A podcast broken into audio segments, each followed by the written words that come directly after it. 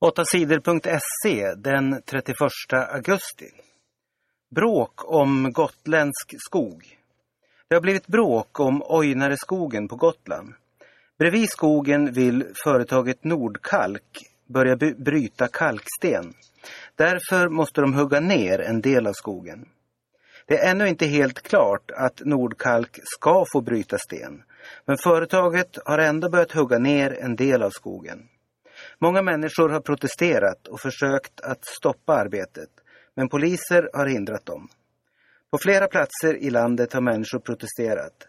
De säger att sällsynta djur kan försvinna från skogen och att kalkbrottet kan förstöra vattnet. Miljöpartisten Carl Schlüter har bett EU om hjälp. Han vill att EU ska undersöka om kalkbrottet kan skada naturen. AIK är klart för Europa League. AIK vann den svåra bortamatchen mot CSKA Moskva i kvalet till fotbollskuppen Europa League. AIK vann med 2-0 och går nu vidare. Kwame Karkari sköt 1-0 i början av matchen. I slutet gjorde Martin Lorentzon 2-0. Segern var en bragd. CSKA Moskva är ett bra lag som förra året spelade i Champions League. Segern var otroligt viktig för AIK. Den betyder att klubben kan tjäna mycket pengar. Mer än 30 miljoner kronor kommer klubben att tjäna på spelet i Europa League. Det betyder att AIK kan köpa spelare och göra laget ännu starkare. Experterna tycker inte att Bergman är bäst. Är Fanny och Alexander av Ingmar Bergman den bästa svenska film som gjorts? Eller är det kanske Utvandrarna och nybyggarna av Jan Troell? Nej, inte om vi ska lita på svenska filmexperter. De sätter filmen Körkaren från 1921 högst på topplistan. Filmen gjordes av Viktor Sjöström. Tvåa på filmexperternas lista är Kvarteret Korpen av Bo Widerberg.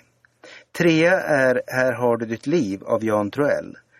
På fjärde plats hamnade En kärlekshistoria av Roy Andersson.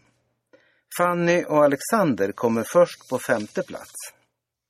Det är 50 filmexperter som röstat fram de bästa svenska filmerna. Tidningen FLM ordnade omröstningen. Strejk stoppar flyg i Tyskland. Idag fredag är det strejk på det tyska flygbolaget Lufthansa. Det är flygvärdinnor som vägrar arbeta. De är missnöjda med sina löner. Flygvärdinnorna har inte fått höjda löner på tre år. Nu vill de tvinga Lufthansa att höja lönerna. Strejken kommer bara att hålla på under fredagen. Lufthansa tvingas ställa in 64 flygningar på grund av strejken. Det kan bli fler inställda flygningar under dagen. Journalister döda i Eritrea. Den svenska journalisten David Isak sitter i fängelse i Eritrea. Han har suttit inlåst i över tio år.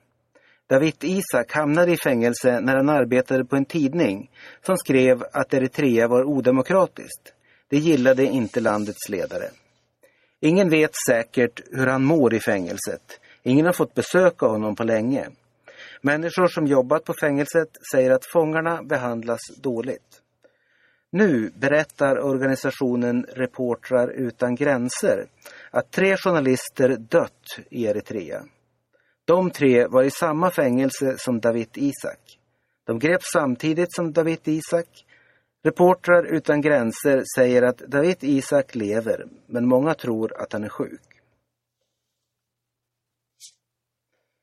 Paralympics började dåligt för de svenska lagen i goalball.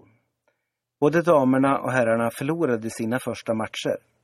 Damerna förlorade med 1-5 mot USA. Herrarna hade det ändå tuffare. De förlorade med 2-9 mot Turkiet.